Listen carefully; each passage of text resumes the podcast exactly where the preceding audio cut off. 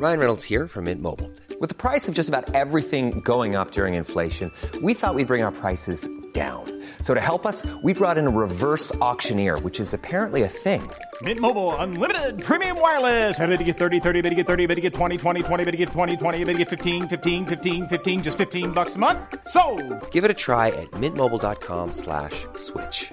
$45 upfront for three months plus taxes and fees. Promo for new customers for limited time. Unlimited more than 40 gigabytes per month. Slows. Full terms at mintmobile.com. There's never been a faster or easier way to start your weight loss journey than with PlushCare.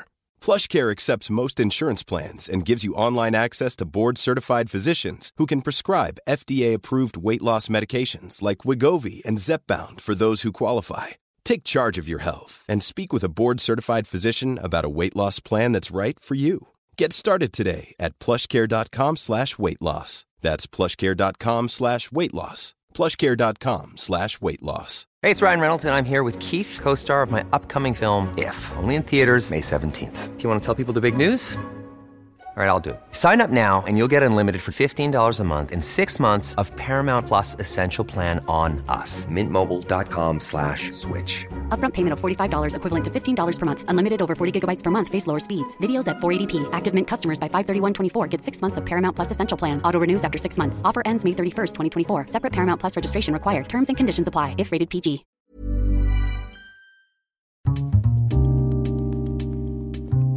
Här programmet handlar om en noga utvald bok och ett samtal med dess författare. Välkommen till Lära från lärda. Fredrik Hilleborg vid micken och den här veckan så sitter jag med en bok i min hand som jag har läst som heter Att lära från, om och med historia. Historiemedvetande, moral och didaktik. En av de fyra författarna sitter mitt emot mig. Välkommen Silvia Edling. Tusen tack. Jag brukar alltid börja med att gästen får presentera sig. Så vi börjar där. Silvia Edling heter jag då och är professor i didaktik vid Högskolan i Gävle.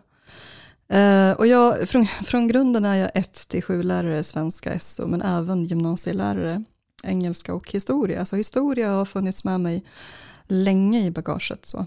Och Eh, den här boken, man kan säga att den här boken, om jag tar den nu som en bakgrundsbeskrivning, den, eh, den kom till lite, jag varit inbjuden i ett Riksbankens jubileumsfondsprojekt 2015, som var ett nätverksprojekt, det var jättespännande. Så vi bjöd in, det var många människor som bjöds in runt om i världen till att eh, diskutera historia, och historiemedvetande i Helsing, Helsinki, eh, Helsingfors i Finland.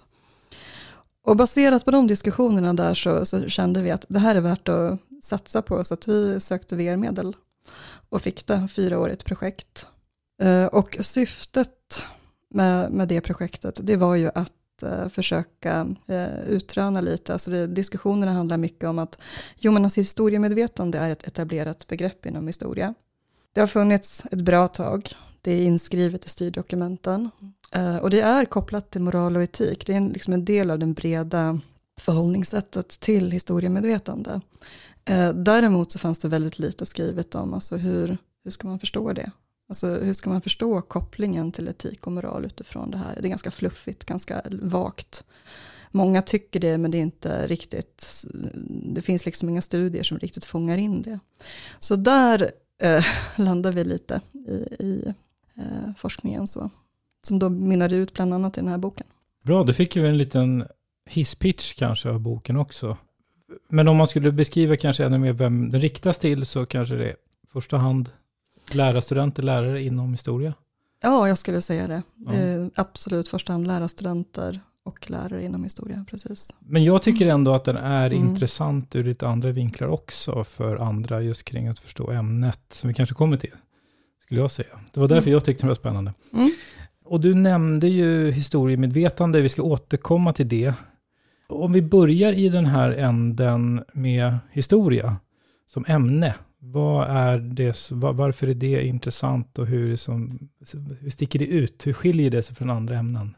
Ja, alltså jag brukar tänka så här att alla ämnen fyller sin funktion, så att alla ämnen behöver vi utifrån det, den, för att försöka förstå, och pussla, för att förstå alla pusselbitar i omvärlden. Men Alltså det som är så häftigt med historieämnet, det är att det är så otroligt intressant för många stater.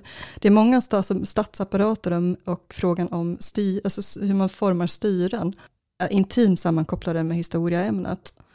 Så jag tänker att om jag skulle vara en auktoritär ledare så eh, skulle jag definitivt vända mig till historien för att smalna ner världssynen, för att skapa lojala medborgare, för att forma en historia utifrån den världsbild som jag tycker är relevant, det vill säga jag plockar och väljer de faktabitar från det förflutna som faktiskt stärker min position och faktiskt formar medborgarna till lydiga undersåtar för att kunna, för, att kunna styra under en längre tid. Och det här sättet att se på historia, det märker vi ju Dels utifrån många studier som har gjorts, men också jag tänker eh, länder som Ungern till exempel, det har ju forskats en hel del om nu.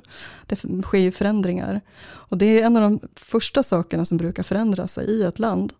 Det är just förhållningssättet till historia i undervisning, därför att det är en maktapparat utan dess like. Så där har ju liksom historien smalnats ner.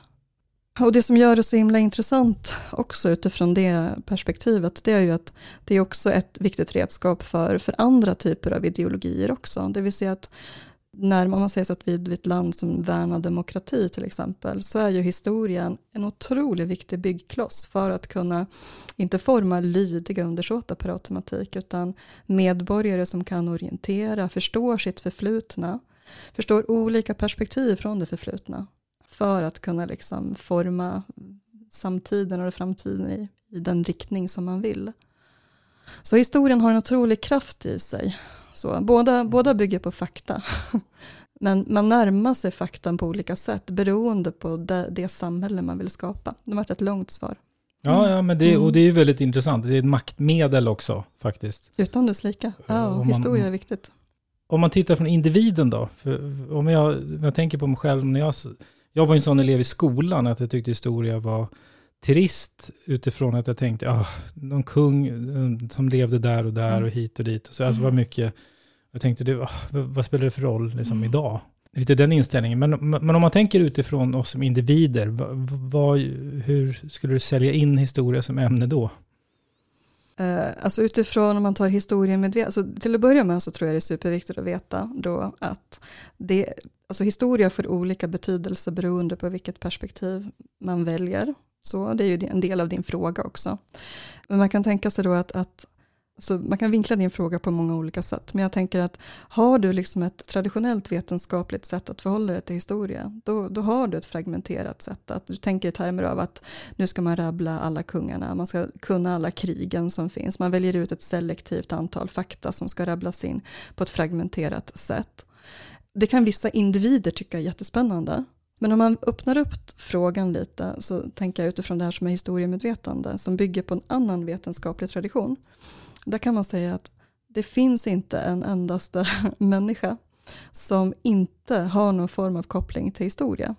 Alltså alla är bärare av någon form av historia. Det är egentligen det som var själva historiemedvetande begreppets liksom revolutionerande kraft.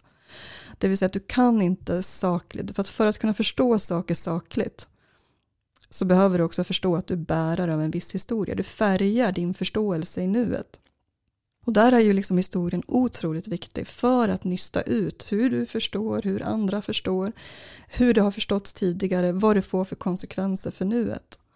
Um, så att jag tänker att många tycker, alltså, och det jobbas det ju också mycket med i undervisning och utbildningssammanhang, liksom att, att bli medveten om att vi är, att kunna förstå oss själva, liksom, familjen, släkten, morfar, farfar, mormor deras historia liksom, och de berättelser som har liksom traderats, de är i högsta grad levande även idag genom liksom våra förhållningssätt som finns.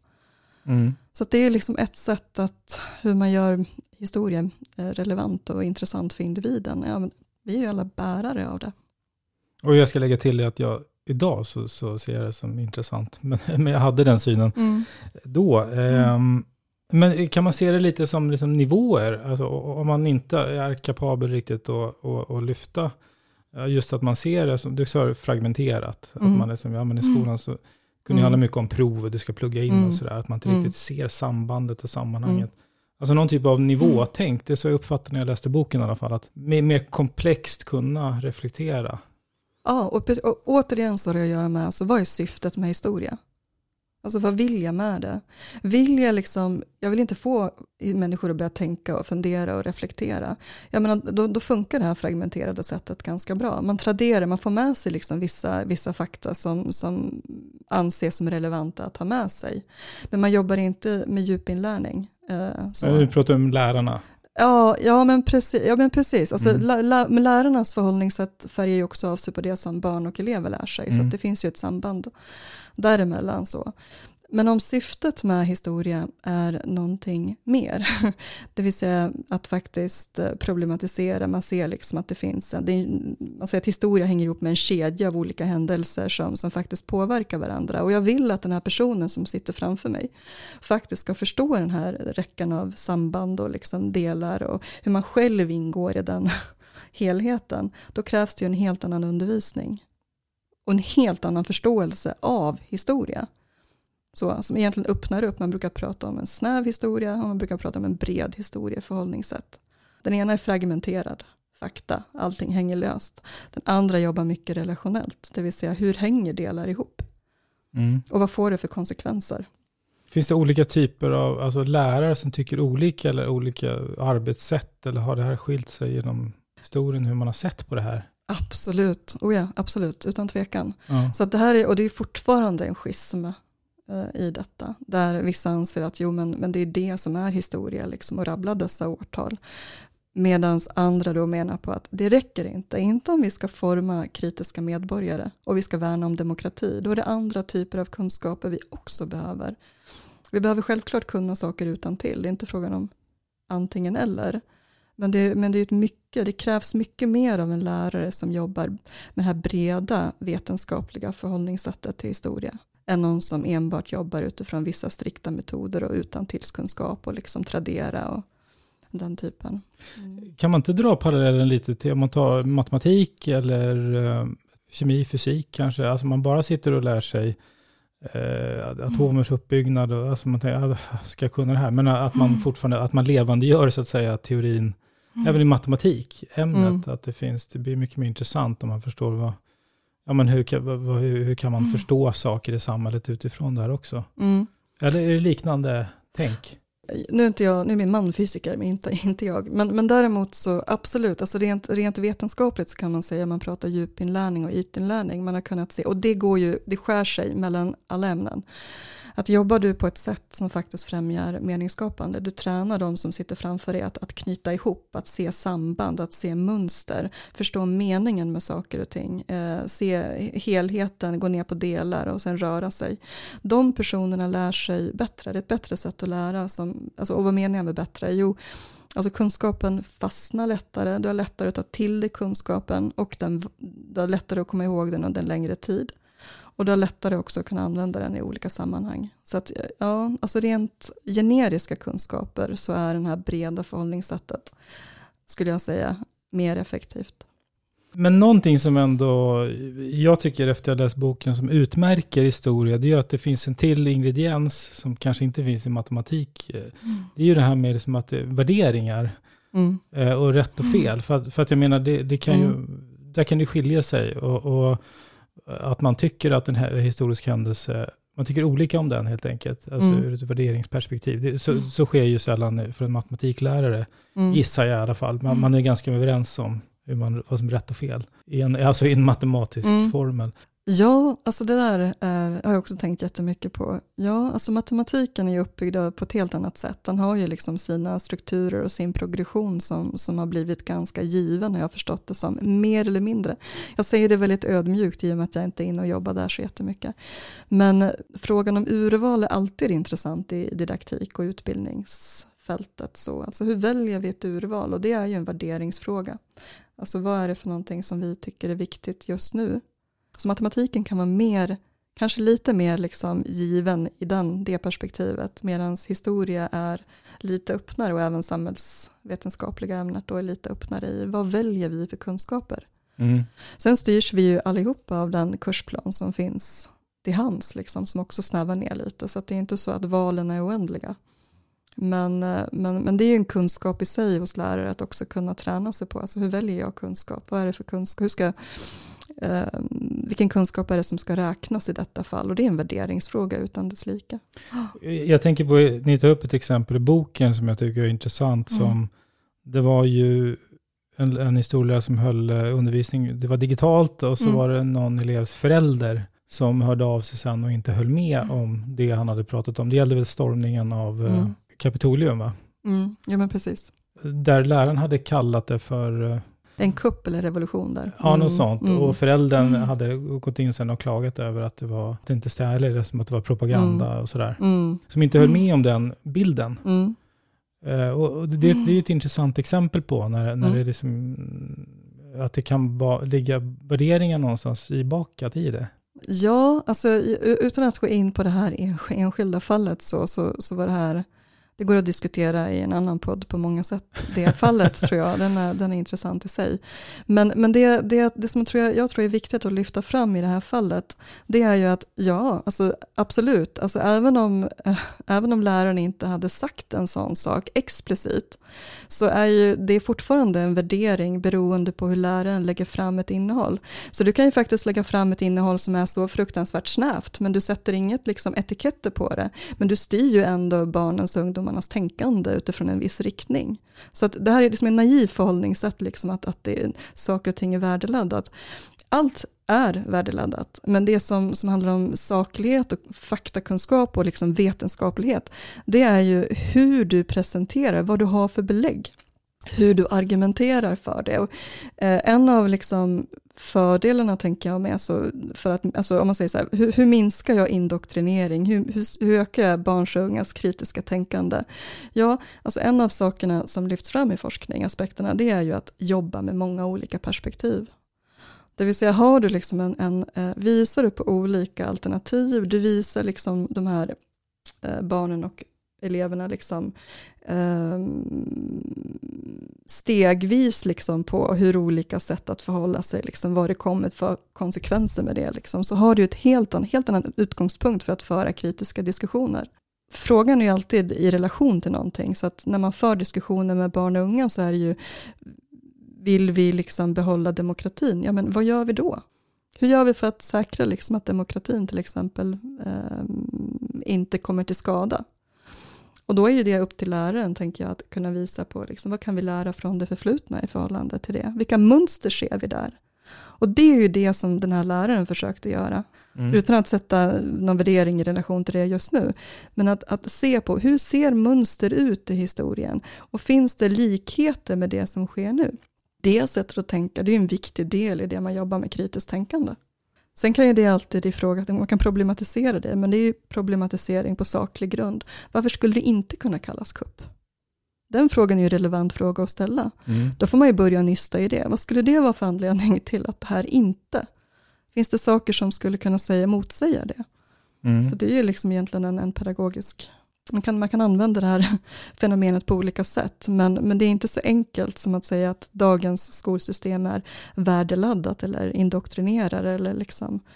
För att det, det gör man även om man sätter etiketter eller inte. Så att om jag förstår det rätt, man ska snarare ha ett annat perspektiv och tänka vad, är- vad är syftet och huvudfrågan? Alltså så ska man, när man lär ut, om man, om man pratar demokrati så kan Mm. man ha en massa exempel, om man, paralleller och sådär. Inte Ja, zooma in på just det, jaha du kallade det där för det och fastna i den detaljen. Det är snarare Ja, överblicken alltså- som är intressant. Ja, precis. Och hur kommer man fram till den slutsatsen? Det är snarare så.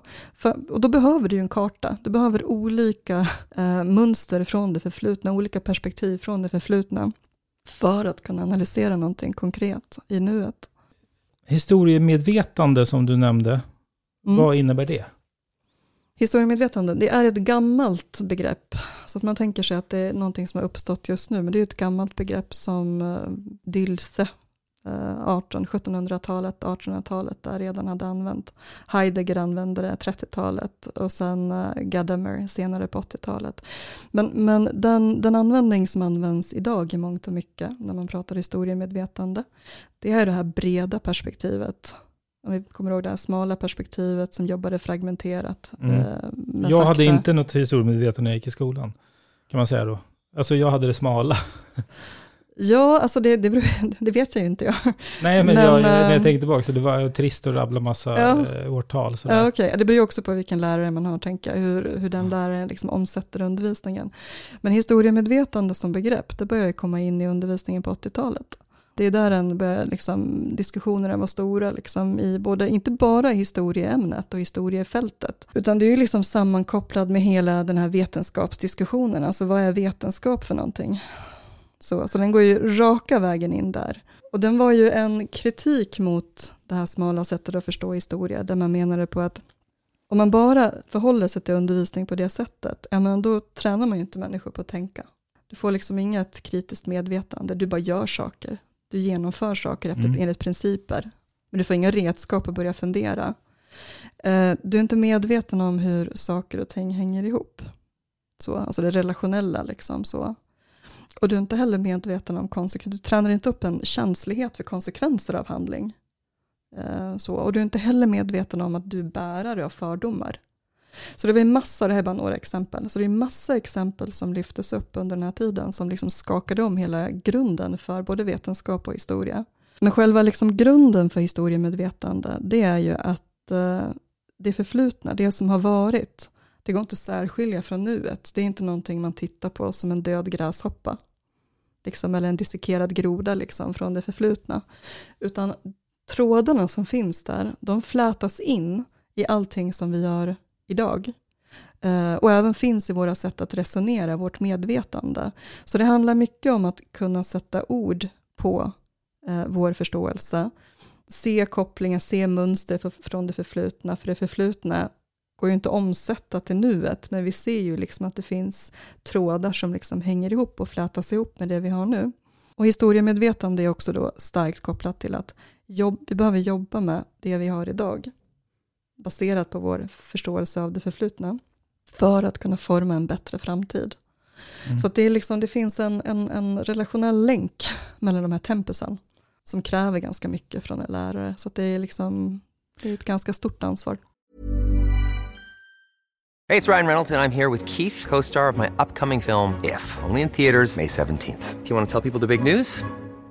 All right, I'll do it. Sign up now and you'll get unlimited for $15 a month in six months of Paramount Plus Essential Plan on us. Mintmobile.com slash switch. Upfront payment of $45 equivalent to $15 per month. Unlimited over 40 gigabytes per month. Face lower speeds. Videos at 480p. Active Mint customers by 531.24 get six months of Paramount Plus Essential Plan. Auto renews after six months. Offer ends May 31st, 2024. Separate Paramount Plus registration required. Terms and conditions apply if rated PG. Many of us have those stubborn pounds that seem impossible to lose, no matter how good we eat or how hard we work out. My solution is PlushCare.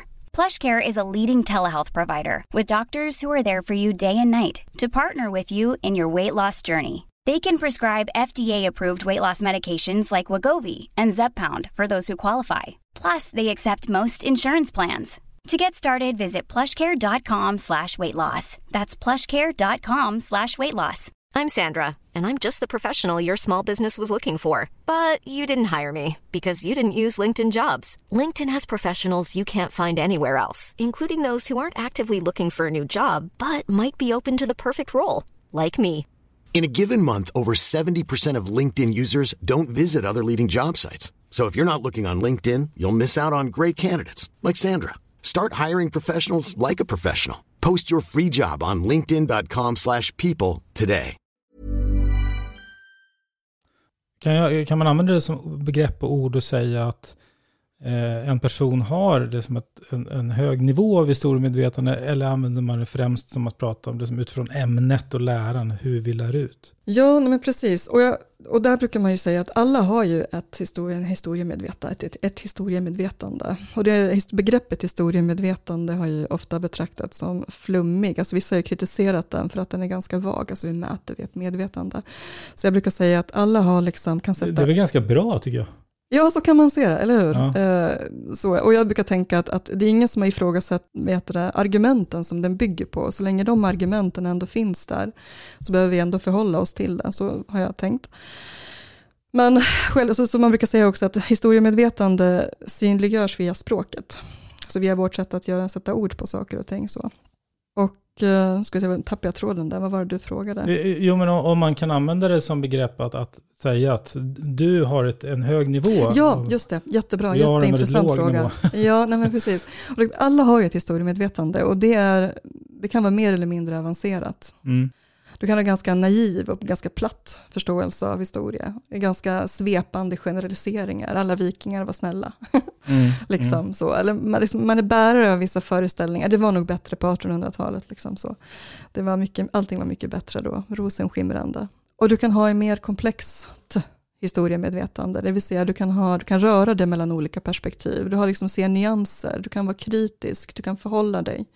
Det är ju egentligen det som är då ambitionen i skolan också. Liksom utbildningen. Att faktiskt träna upp ett sånt mer komplext sätt att förhålla sig till historiemedvetande. För att vara mer ankrad. Kunna orientera sig mer genomtänkt.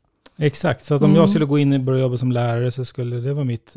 Jag skulle vilja sätta liv och utveckla mina elevers historiemedvetande. Mm. Och samma Mm. sak om, man, om jag hör någon säga att ja, andra världskriget, det som har hänt har hänt. Liksom. Mm. Då kan jag tänka, aha, den här personen har inte så utvecklat historiemedvetande Nej, precis. eh, i princip. Men nej, jag tyckte det var ett bra ord när jag läste den och, och tänkte just Mm. på, Det här var spännande. Den har kritiserats. Den har gjort alltså, det är många, alltså i forskarvärlden. I forskarvärlden, ja. Ja. precis som de där forskarna. Men, men ja, den har kritiserats. Så det är ju många som menar att historiskt tänkande är mycket, mycket skarpare. Liksom så. så att det är en enorm, ja, det finns alltid dragkamper och spänningar överallt. För jag tycker i, då i praktiken så att säga, alltså man hör så här, generellt när, när folk pratar historia, Mm. Så kan man ju ofta snarare att man säger så här, ah, den här personen kan mycket om historia. Mm. Alltså, då, då, är det, handlar det kanske snarare om att rabbla kungar och vinna TP. Men just att ha ett Mm. utvecklat historiemedvetande är ju Mm. något annat också. Oh ja, absolut. Ehm, Absolut. Och Jag tror det är viktigt att, viktigt att vara medveten om det. Men det handlar ju inte, alltså jag, det här är också någonting klassiskt, man tänker antingen eller. Men jag, alltså, utan tillskunskap, att ha någon form av tidsorientering med årtal, det är en jätteviktig sak för att kunna få ett meningsfullt förhållningssätt till nuet och förflutna. Liksom, så. Mm. så vi behöver ju någon form av hållpunkter. Det är bara det att det måste göras meningsfullt. Jag måste ju förstå varför det är meningsfullt, för att jag ska kunna orientera. Liksom. Så, så det är väl där den stora skillnaden är. Mm. Och historia kontra demokrati, eh, Mm. vad är, hur ser den kopplingen ut? Ja, och den hänger ihop med det vi pratade om tidigare också. Det vill säga att har du en vetenskapstradition och förhåller dig till historia som någonting snävt, då är du inte intresserad av alla människors perspektiv.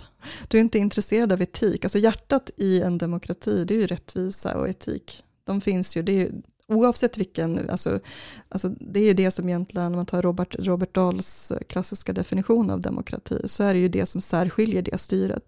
Det finns inget annat styre i hela världen som faktiskt tar in pluralitet, alltså mångfald, och säger att jo, men folket, människorna, den mångfald som finns, måste på något sätt tas i beaktande när ett styre skapas.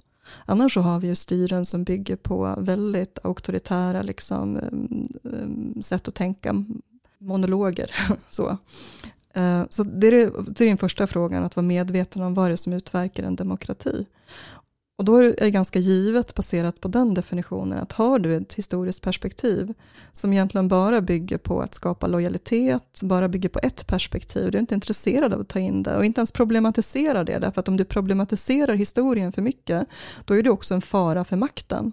Så det är därför liksom man kan säga att har du den ingången så är det ingenting som hjälper en demokrati, utan demokratins fundament, det är ju att ta in, liksom, att, att träna sig på att ta in olika perspektiv, olika människors förståelse, olika historiska händelser, eh, både från krig men också de sociala dimensionerna liksom, och så vidare. Det finns ju många aspekter, historien är ju ett myriad av händelser. Eh, och försöka nyansera det. Och sen knyta an till den mångfald som finns idag, för det är också en, en viktig del både i historiemedvetande, men också i demokratin, det vill säga att um, när vi närmar oss undervisning så kan jag ignorera mångfalden. Det är ganska enkelt att göra det, det skulle vara mycket enklare. Men mångfalden finns där, det är ju så mycket fakta som visar på det. Även hjärnforskningen visar ju att det finns inte en hjärna som är identisk som den andra. Eh, och tar vi in den mångfalden försöker åtminstone ha någon form av respekt för den, då, är då behöver man något verktyg som, som förhåller sig till historia utifrån, som beaktar pluraliteten och mångfalden som finns. Så att det här är liksom ett sätt att försöka beskriva det. Att, att uh, hela tiden, vad är det för samhälle vi vill ha? Det, sam och det färgar av sig också på hur vi sen förhåller oss till till exempel ämnet historia. Mm. Ja, men jag tänkte vi kanske också bör prata om det här med moraliskt tänkande och etiska överväganden. Alltså moral, och, moral och etik mm. är ju en viktig ingrediens mm. i det här eh, mm. historiemedvetandet mm. för att utveckla det. Mm.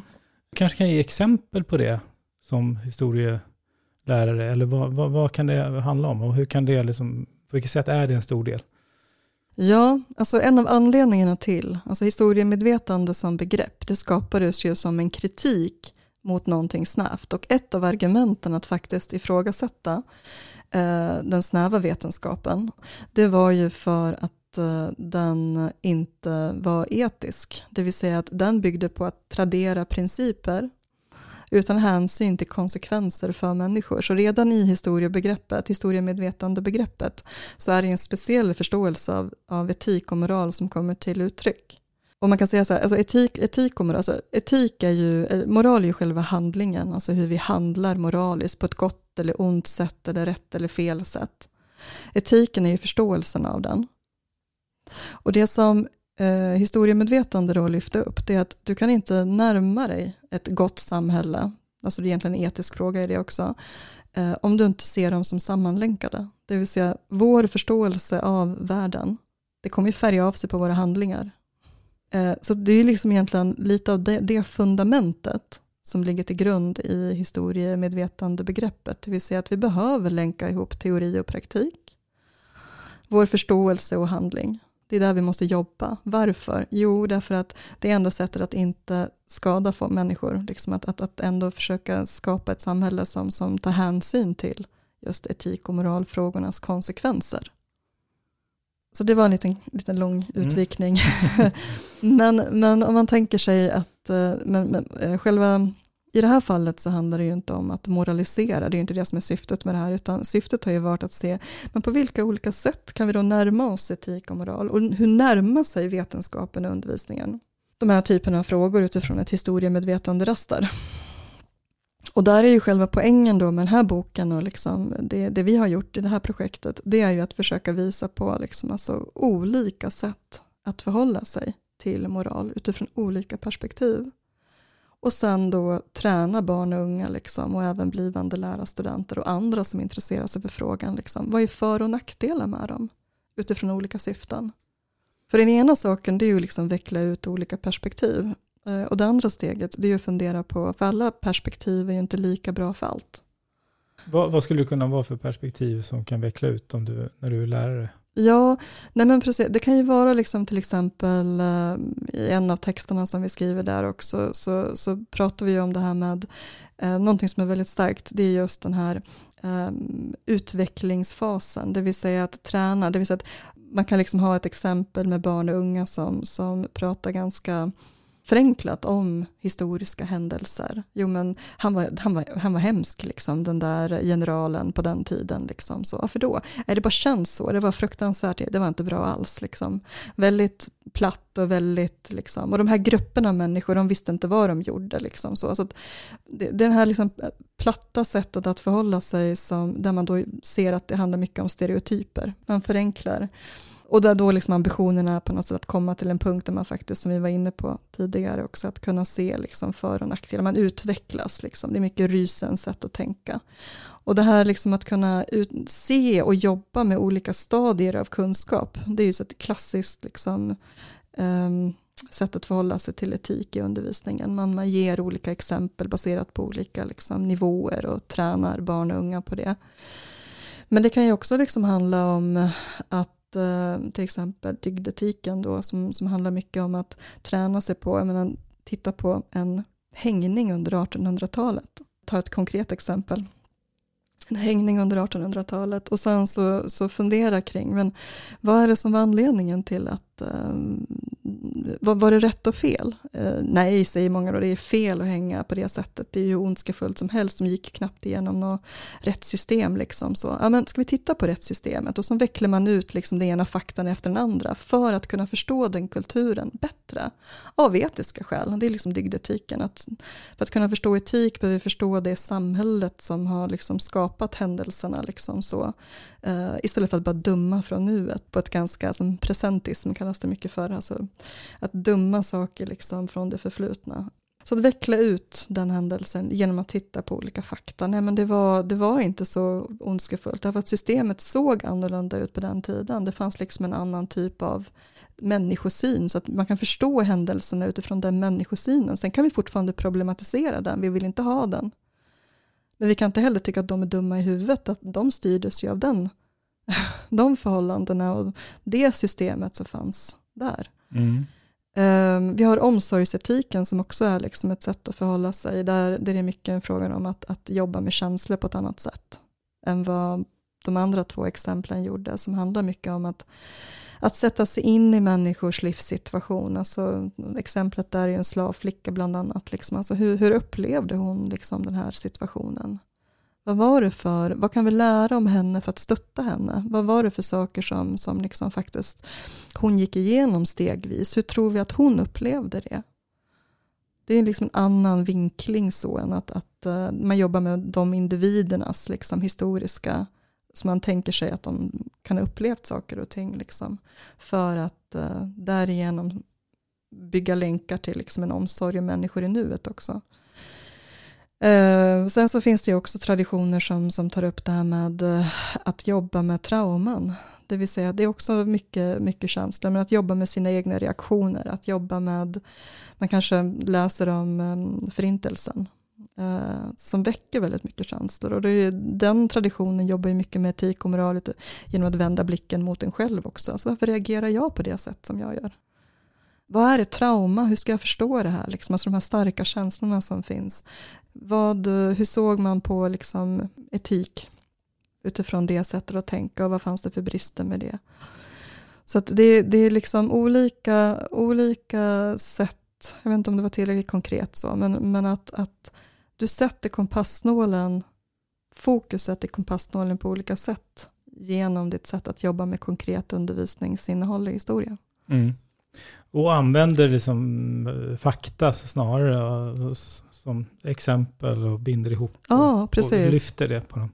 Ja, precis. precis. Så det sista exemplet till exempel med um, att se historien som, som um, uh, nu tappar jag namnet på den, men uh, en etik utan grund vilar det mycket på. Men den är ju liksom mycket frågan om att, att jobba med fotografier, ansikten på människor.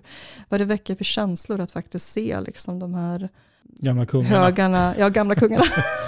och den jobbar ju inte riktigt med, liksom, det beror ju på vad, vad stoffet är för någonting, men även där så kan det ju ha liksom olika vinklingar.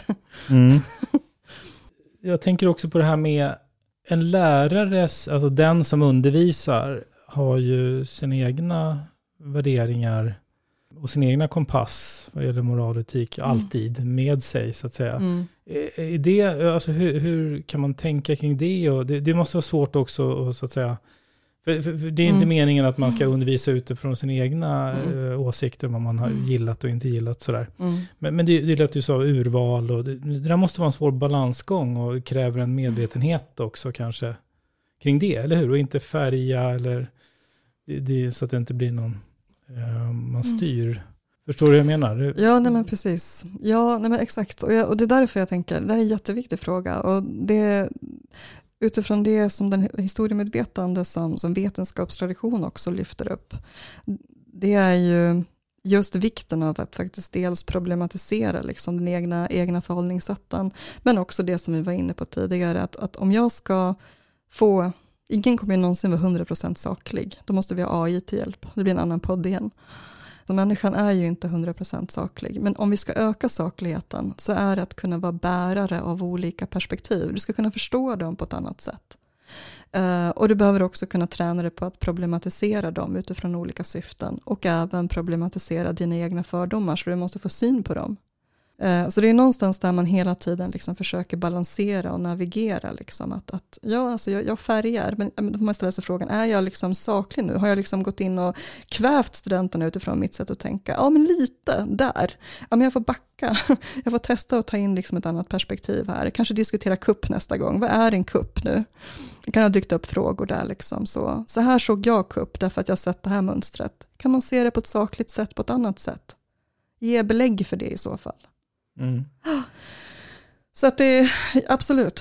Och det är det som egentligen lärarutbildningen är, behöver träna på, behöver träna på mycket, mycket mer skulle jag säga. Den här liksom grunden för att bygga en, en karta eller repertoar liksom att navigera med. Så att du kan bli mer saklig utifrån ditt sätt att argumentera och göra urval bland annat. Precis, just det, och Mm. lära sig, det är snarare viktigare att lära sig förstå olika perspektiv och se Mm. olika perspektiv. Att Ja. man ska få med sig det, studenter ska få med sig det, elever. På saklig grund, ja precis. Ja, spännande. Jag kan tänka mig att det är liksom ännu mer, ju, ju, säga, ju yngre elever och studenter det är. Det är en sak med, med universitetsstudenter som Mm. kan det hyfsat bra. Mm. Men just när det är yngre så är de Mm. ju lättare att färga så att säga. När de inte har så mycket med sig än så Mm. länge. Mm.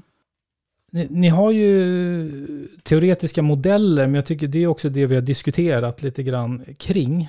Jag tänker att man, man får läsa boken om man vill se dem exakt. Men är det någon särskild eh, modell eller någonting från boken som vi inte har pratat om som du vill nämna?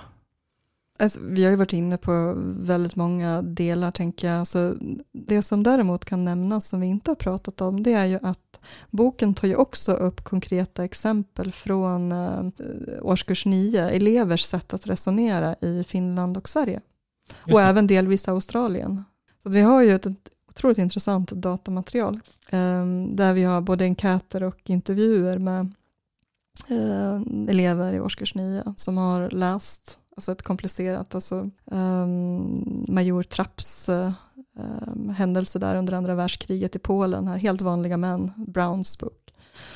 Som de har fått läsa ett utdrag ur och sen har vi då sett hur har de resonerat kring det. Så det kan vara ganska intressant. Och så vad är likheter och skillnader mellan olika skolsystems för det färgar ju av sig lite. Även om man inte kan dra för stora slutsatser så är det fortfarande intressant att se att den här gruppen elever kommer från det här skolsystemet, det här landet. Och man kan ändå märka av, alltså, alltså det finns skillnader som är intressanta i de här olika länderna. För att testa och se deras historiemedvetande. Ja, precis, i relation till liksom en komplex händelse. Mm. Och då dessutom inte bara historiemedvetande utan det, är vi, det som är bokens hjärta, det vill säga skärningspunkten mellan moraliskt medvetande och historiskt medvetande. Det vill säga hur sätter jag ord på gott och ont, rätt och fel i mötet med historia och mitt historiska medvetande. Just det, precis. För den skärningspunkten pratade ni mycket om sen. Men om jag bara återkopplar till det där med eh, eh, den språkliga kartan. Mm. Alltså du menar att kunna uttrycka sig och beskriva eller, att eller hur, hur menar ni med, med den språkliga kartan? Både och. Alltså, både, alltså jag tänker att, att, att djupinlärning och att bygga och jobba med förståelse, det handlar ju om att sätta ord på saker, att kunna uttrycka. Men det handlar också om det på, ett annan, på, på en annan nivå, alltså att, att bygga en språklig karta, det vill säga att kunna röra sig i tanken mellan olika perspektiv som har sina etiketter. Det är språkliga etiketter vi sätter. Men även då liksom en karta vad gäller vilka begrepp använder sig forskning av? Alltså hur rör sig den här begreppskartan i forskningsfältet som ett stöd för den egna liksom förståelsen och orienteringen i alltihopa? Det, det är på olika nivåer, så absolut att sätta ord, jobba med meningsskapande. Men också en karta, ungefär som en liksom, um, orienteringskarta. För att se, men vad har jag? Hur ser liksom verksamheten ut på den här skolan till exempel? Jo, men Mm. fokuset är väldigt mycket här, i det här hörnet. Det är de här begreppen som används i huvudsak och den här förståelsen. Det här är ganska onämnt. Är det bra? Vill vi det? Så det är mer ur lärarnas perspektiv kan man säga. Ja, det, det är ju det är från lärarnas perspektiv, men, men återigen, alltså, lärarna är ju där för att också hjälpa elever och barn att få syn på. Om du som lärare har en ganska snäv karta, Mm. eller bara tänker att det är bara praktiken som räknas, vi behöver ingen karta, det är sunt förnuft. Då kommer ju det färga av sig på det som barnen och eleverna kommer få syn på. Det är det jag tycker är så otroligt intressant. Att ditt seende, det som du bygger upp, nu pratar jag ett annat begrepp också som jag skriver bok om nu, men, men din förståelse, eller ditt meningsskapande då, det, det styr ju liksom dina handlingar, hur du bygger en verksamhet och hur du förhåller dig. Men det styr ju också den möjlighet, det, det som de här barnen och eleverna kommer få med sig. Så det, det, är, det är inte bara det är lärarna som är liksom, de behöver ju bygga sin karta. För de är mm. så otroligt viktiga för att forma en verksamhet liksom, och för att kunna jobba med lärande. Som sista fråga, jag brukar alltid mm. avsluta med frågan, förutom att läsa boken, mm. vad skulle du vilja skicka med för rekommendation till de som lyssnar? Det absolut viktigaste, tycker jag, vad gäller historieämnet, det är dess enorma kraft att forma identiteter i en samtid. Um, och en enorm kraft som bas för den framtid som kommer komma. Så det gäller att krypköra och fundera på men hur förhåller vi oss till vad vill vi med historia? I relation till de utmaningar vi har. Och hur ska vi liksom eh, tänka mer genomtänkt eh, i förhållande till det? Det, det är ett sån, en sån där pusselbit eller en, en, ett viktigt, en viktig aspekt som jag skulle vilja skicka med. Sen så också det som är någonting som jag brinner mycket för och som jag tror vi skulle behöva prata enormt mycket mer om, det är seendets betydelse. Det finns ett stort fokus på görande idag. Enormt fokus. Vi ska göra, vi ska vara innovativa, vi ska vara entreprenörer, vi ska vara, och det är superviktigt. Det är inte frågan om det. Men oavsett vad du är, alltså vad du gör, så hänger det alltid ihop med ett, ett eh, sätt att förstå, som då färgar vad vi riktar blicken mot. Så just att jobba med seendets betydelse, det, det är någonting jag skulle vilja skicka med. Om man lyssnar på det här och vill ställa någon fråga till dig, kan man hitta dig någonstans? Det är bara att söka, söka mitt namn på nätet så finns jag, min mailadress finns där. Mm. Tack för att du var med. Tusen tack, kul.